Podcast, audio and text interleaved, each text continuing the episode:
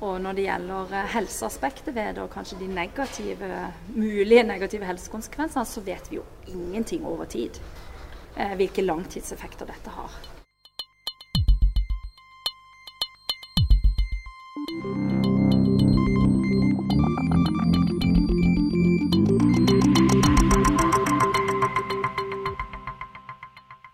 De sykler Kristiansand-Hovden, går Birken og begynner nå i disse dager å forberede kroppen for HV triatlon.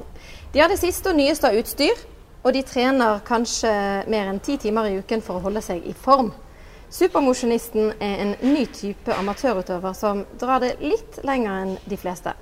Vi skal forsøke å forstå hva som skjer i kroppen og i hodet på supermosjonistene. Og vi skal stille spørsmålet er det egentlig så sunt, og hvor går grensen? Vi har inntatt treningssenteret Spikeren i Kristiansand, og med meg har jeg Rune Høygård. Du er professor i idrettsvitenskap ved Institutt for folkehelse, idrett og ernæring. Og Monica Klungland Torstveit, førsteamanuensis i idrettsvitenskap ved samme institutt. Hvis vi starter på definisjonen her, hva er egentlig supermosjonisme? Ja, eh, det er nok ikke noe klar definisjon på det. Men det er noen som har prøvd seg med en definisjon som sier at en supermosjonist er en som trener hver dag, eller nesten hver dag. Trener mye hardt. Og når det gjelder mengde, så innleder du med kanskje ti timer. Og definisjonen er ofte for en syklist minst ti timer i uka. Men for en løper så vil det være noe mindre, kanskje minst seks timer i uka. Eh, og Det som er spesielt for en supermosjonist, er at han eller hun ofte har et familieliv. De har jobb og venner. Så eh, det handler mye om å balansere hverdagen da med mye trening. Mm. Ja, og, og, Det er jo utfordringa dette med å skal ha dette treningsvolumet som de, de, etter hvert får. Og det å få dette til å harmonere med, eh, med, med omgivelsene at det er en form for overensstemmelse med omgivelsene. For det er jo utfordringa. Men vi blir jo gjerne fortalt at vi helst skal trene, ikke sant. Og er det ikke bare fint da at noen uh, legger uh, ekstra sjel i det? Jo, det syns jeg. Det tror jeg, jeg tror det er kjempebra. Uh, og jeg tror det er Man har jo en sånn der man skal trene litt hver dag. Og så tenker jeg at helse, helsemotivet er et viktig motiv. Men det er jo ikke sikkert at hvis du trener veldig veldig mye, at uh, helsa stiger med antall treningstimer. Det tror jeg ikke nødvendigvis er, er, er sant. De er, eh, trener kanskje ikke fullt så mye og har ikke så store krav som en topputøver har. Men allikevel så trener de mye, og de skal som Rune sier, de skal balansere dette med jobb og familie og venner. Så de har jo en totalbelastning som er ganske stor. Og så er jo spørsmålet hva er gevinsten av det, og er det eventuelt noen konsekvenser av det. Og det har vi nå litt mer kunnskap om. Jeg har jo forska mest på det fysiologiske knytta til det, også litt psykologisk. Eh, og hvis jeg bare hopper rett til konklusjonen og hovedkonklusjonen, så ser det ut som at supermosjonisme er ganske sunt. Eh, det er mye bedre å trene, og også trene i disse mengdene, enn å ikke gjøre det. Hvis du ser på risiko for hjerte-karsykdommer, diabetes og andre livsstilssykdommer. Eh, og godt humør og sover godt og sånn generell velvære. Men så er det no, på noen områder vi ser en risiko. Eh, det ene er i forhold til sykdom, eh, belastningsskader. Så der er jo et område som supermosjonistene må være varsomme. Eh, og trene seg opp gradvis og variere treninga. Og så er det en ting som kanskje mange ikke vet så mye om, og det er konsekvenser på skjelettet. Og det er en litt sånn skjult greie, for vi har en tendens til Vi kjenner muskulaturen vår, vi føler når vi er sterke og når vi har trent musklene, men i mye mindre grad skjelettet. Så her ser vi spesielt blant syklister og triatleter at dessverre så er det mange som har tapt benmasse. Og de begynner å få noen vi kaller det stressfraktur, tretthetsfraktur, som absolutt ikke er forbundet med god helse og god prestasjon. Og dette kan man ikke så lett uh, merke sjøl? Nei, dessverre. Man merker jo ikke når man taper benmasse og får et skjørere skjelett, før man eventuelt får et brudd. Men da er det ikke alle som kobler det heller til at dette handler om balansen mellom trening og kosthold. For det er det det gjør. Det er, der, det er ikke nødvendigvis farlig å trene mye, men man må få i seg nok mat. Så man må balansere det vi kaller energitilgjengeligheten. Så trener man mye, så trenger man mer mat. Og hvis man da har for lite inntak av energi, så må kroppen prioritere. Og Da prioriterer kroppen hjertefunksjon, hjernefunksjon og andre viktige prosesser, og ikke da muskelvekst eller vekst av skjelettet. Og dermed så taper da noen benmasse. Og vi har jo eksempler på kvinnelige utøvere som har skjeletter som 70-80 år gamle damer. Og dette er unge jenter i 20-årsalderen. Mm. Men eh, dere har også gjort eh, en studie nå på, på, voksne menn som er i kategorien ja. supermosjonister. Ja. Vil du fortelle litt? Ja, og dette er en sånn fersk studie at vi har jo ikke fått analysert alle dataene ennå. Men det er i laboratoriet vårt på Universitetet i Agder. Eh, på vårt fakultet, eh, hvor vi har kartlagt eh, helse og prestasjon blant nesten 60 mannlige supermosjonister. Eh, og foreløpige resultater tyder egentlig på det jeg sier generelt, så ser det bra ut. Men dessverre så ser vi tilfeller av også f.eks. dette med lav benmasse, at noen har verdier på altså osteoporotiske verdier, benskjørhet. For dette har vi målt i laboratoriet? Det har vi målt, hvor vi bruker gullstandard målemetode for å kartlegge hvor sterkt skjelettet deres er. Og vi ser spesielt blant syklister fordi at de har ikke den mekaniske belastningen på skjelettet som stimulerer bencellene til vekst.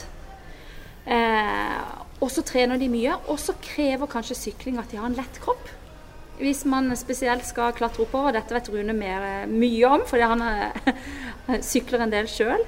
Men, men, vekt er en prestasjonsvariabel i sykling, og også i løping og triatlon. Og det gjør det ekstra vanskelig, fordi at man ofte tyner vekta, vil være så lett som mulig. Og da kan det være at man får i seg for lite energi. Men det er også sånn at forbrenningen kan endre seg eh, når du trener mye. Sånn at du, du ikke nødvendigvis merker at du burde fått i deg mer mat. Ja. Det som ofte skjer, er at eh, de vi ser har vært i lav energitilgjengelighet over tid. Da skjønner på en måte kroppen at oi, jeg får ikke mer mat. Da må jeg skru ned forbrenninga. Så de har en lavere, lavere hvilemetabolisme. De forbrenner færre kalorier i hvile. Så de trenger egentlig mindre mat.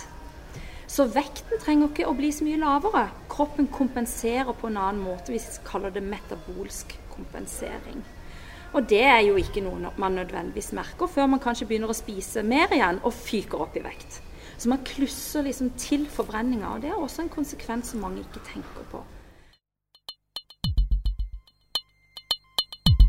Når en snakker om supermosjonister, så snakker vi ofte om de som sykler til Birke, eller sykler Birken, eller går Hovden-tur. Altså de som konkurrerer. Men jeg tror det er et stort segment som ikke konkurrerer, som også kan defineres som supermosjonisme. Sånn at de har, kanskje ikke i samme grad som de som deltar i disse eh, konkurransene, dette prestasjonsmotivet som de som sykler til Hovden har. Det er nok kanskje mer glede, det kan være velvære, det kan være gøy. Og det kan være vektreduksjon, eller skape et inntrykk av å ville være en person som skal fremstå som å være i god form. Og så er det også dette med, disse, med sånn type supermosjonisme. Altså jeg tror jo, Det er jo noe de bruker fritida på. Fritida skal jo være psykologisk, det skal jo være glede, det skal gi påfyll. Eh, og, og jeg tror at trening kan ha en sånn effekt.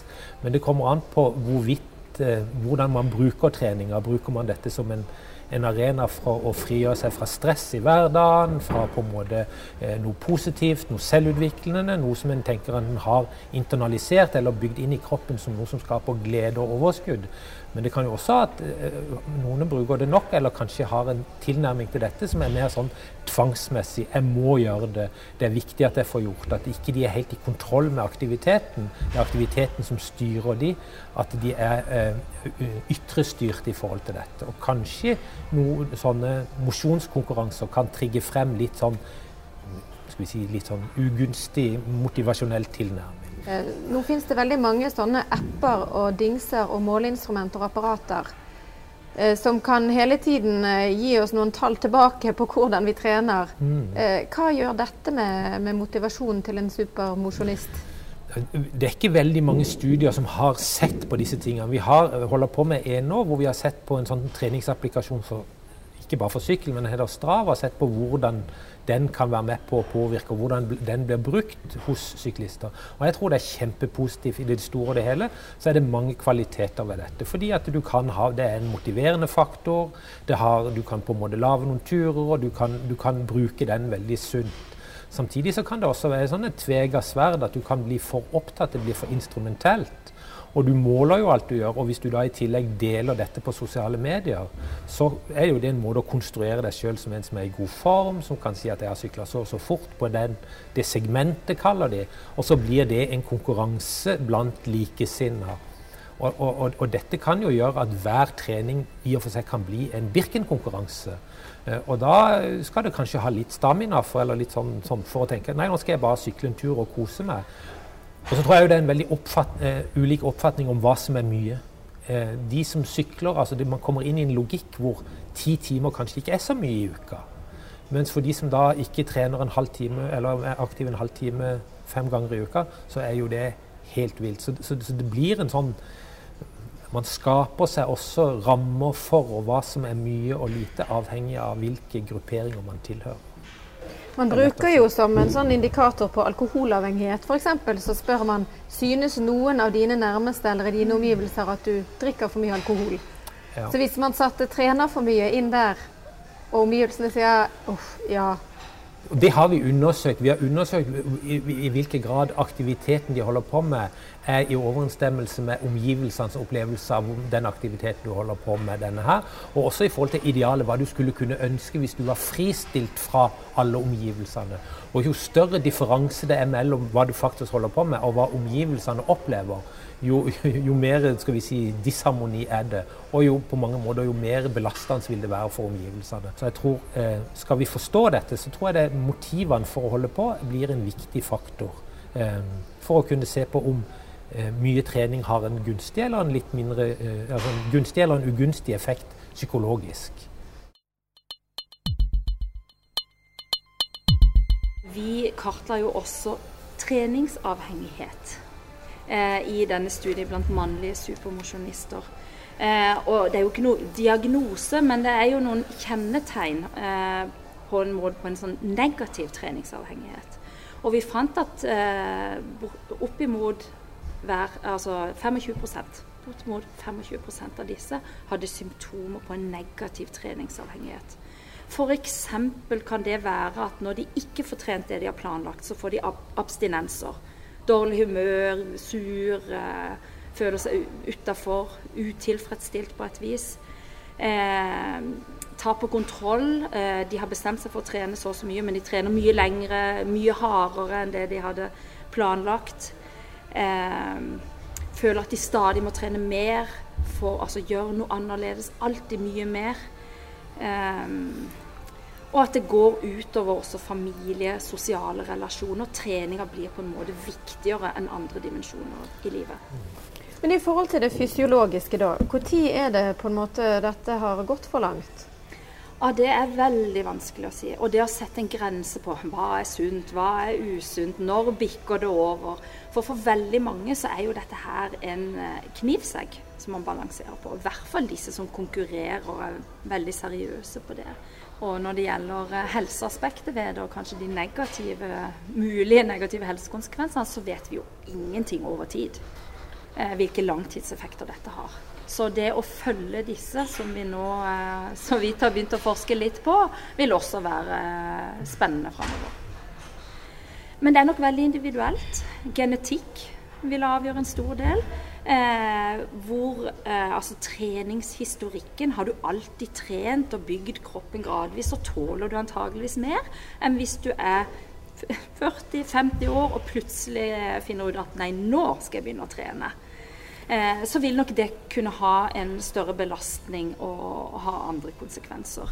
Så det er veldig eh, vanskelig å si. Veldig individuelt. Og så tror jeg også det der tida de bruker, det er én ting. Men det er jo det at når du da har trent, så ligger det jo restitusjons... Altså du skal kanskje hvile. Og det må man på en måte ta med i den totalbelastninga en ser på dette. Altså det er lett å se på hva toppidrettsutøvere gjør, og de trener like mye. Men de er jo 24 timers utøvere i den forstand at de har satt av mange timer i døgnet hvor de kan hvile. Disse skal kanskje være småbarnsforeldre eller foreldre. De har en jobb og de har en karriere. Sånn at det er, det er som du Monica sier, en sånn balansegang for noen. Hvis det kommer opp i et stort volum. Jeg har et eksempel på det. Eh, en utøver eh, som eh, trente to ganger om dagen og lange økter. Og kom da hjem etter Det var en triatlet. Kom hjem etter en sykkeløkt og skulle da ta vare på barna. Og satt seg i sofaen med ett barn i hver armkrok og satt på en DVD. Så barna kunne se film, og så følte vedkommende at nå var vi sammen og hadde familietid, mens vedkommende lå og sov. Fordi at personen trengte restitusjon. Så det er klart den totalpakka der er kjempeviktig. Mm. Spise nok, hvile nok, sove nok. Og så er det nok, altså Jeg er jo opptatt av hvordan du bruker den aktiviteten. Om du går inn med den, det er noe som er til berikelse for deg, altså, eller sånn, er det en form for flukt fra noe. Altså Du, du har kanskje strever i omgivelsene, i, i, forhold eller på jobb, og så bruker du nesten dette som en sånn eskapisme. Altså jeg flykter inn i dette. Eh, og det er åpenbart at det kan være en ugunstig måte å bruke aktiviteten på stort volum. Fordi at kanskje du heller skulle prøve å rydde opp litt i de. For da kan man fort komme inn i det som kalles sånn eh, tvangsmessig lidenskap. At du må bare gjøre det. og det blir en, du, du føler ikke du er i førersetet for aktiviteten. Og det er jo en sånn, et faresignal. Og det var jo det vi har sett på i en studie. at eh, Da så vi det vel i forhold til treningsavhengighet. At det var spesielt hvis den motivasjonelle tilnærminga var tvangsmessig altså en form for tvangsmessig lidenskap til dette her, at det var en viktig forløper for å utvikle trenings, treningsavhengighet. Eller, ja. Det at du føler du må? Du føler du må. Du har på en måte mista litt kontroll over aktiviteten. Jeg bør gjøre det, jeg må gjøre det. Eh, enten at det kan være et psykologisk motiv, eller det kan være fordi at jeg skal henge med de andre, fordi at jeg skal være blant de fem beste eller ti beste. Eh, så, sånn at de er nok i mer i en sånn risikosone. Så det er jo viktig å gå inn og velge aktiviteten og føle at du, du sitter i førersetet, at du har kontroll på det. Du kan, du kan ta pauser hvis, hvis, det er naturlig og det er riktig å gjøre det, hvis du er syk og skada. Det så de på noen canadiske syklister. Så så de på disse harmoniske og tvangsmessig lidenskapelige tilnærmingen til aktiviteten. Og de som hadde litt mer sånn tvangsmessig lidenskapelig aktivitet eh, motivasjon til, eller tilnærming til aktiviteten, de var mer villige til å trene når det var åpenbart ikke lurt å trene. Enten at det var altfor glatt, at de burde holde seg inne, eller at de var syke. Så, så, så jeg tror det er eh, hvordan du går inn i aktiviteten som sier veldig mye om dette er bra eller, eller ikke fullt så bra for deg. Og der har du jo egentlig noen kjennetegn. For jeg tenker, eh, Hvis man trener mye, men kjenner at oi, i dag er jeg ikke i form, eller har vondt i en fot, eller har vondt i halsen, kanskje man har feber, så står man over, og så er det helt greit. Det er et sunt tegn, tenker jeg. Men som Rune sier, hvis du da kjenner nei, nei, eh, vi kjører på, vi tester grensene, jeg må ha den økta, for den står på treningsplanen min, så tenker jeg det er litt sånn eh, rødt lys som bør blinke. Jeg tenker Noe av det som er viktig å trekke fram her, er jo at man må virkelig ikke trene disse mengdene for å få en helsemessig god effekt. Verken eh, fysisk helse eller psykologisk helse. Og, og det viktigste er jo på en måte å begynne å gjøre noe. Og vi vet at helsegevinsten øker. Eh, altså kurven er brattest fra å være helt inaktiv til å begynne å bli noe aktiv. Da har du en kjempestor helsegevinst. Og så blir du kanskje enda, altså øker aktivitetsnivået noe, og så flater helsegevinsten noe ut. Så, så poenget her uh, ut til den norske befolkning er jo begynn å bevege deg.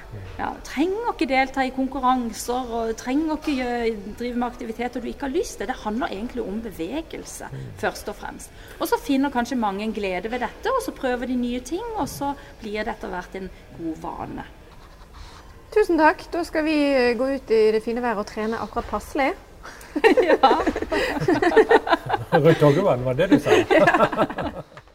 Du har nå hørt en podkast fra Universitetet i Agder. På uia.no podkast kan du finne flere episoder og diskutere det du har hørt. uia.no podkast.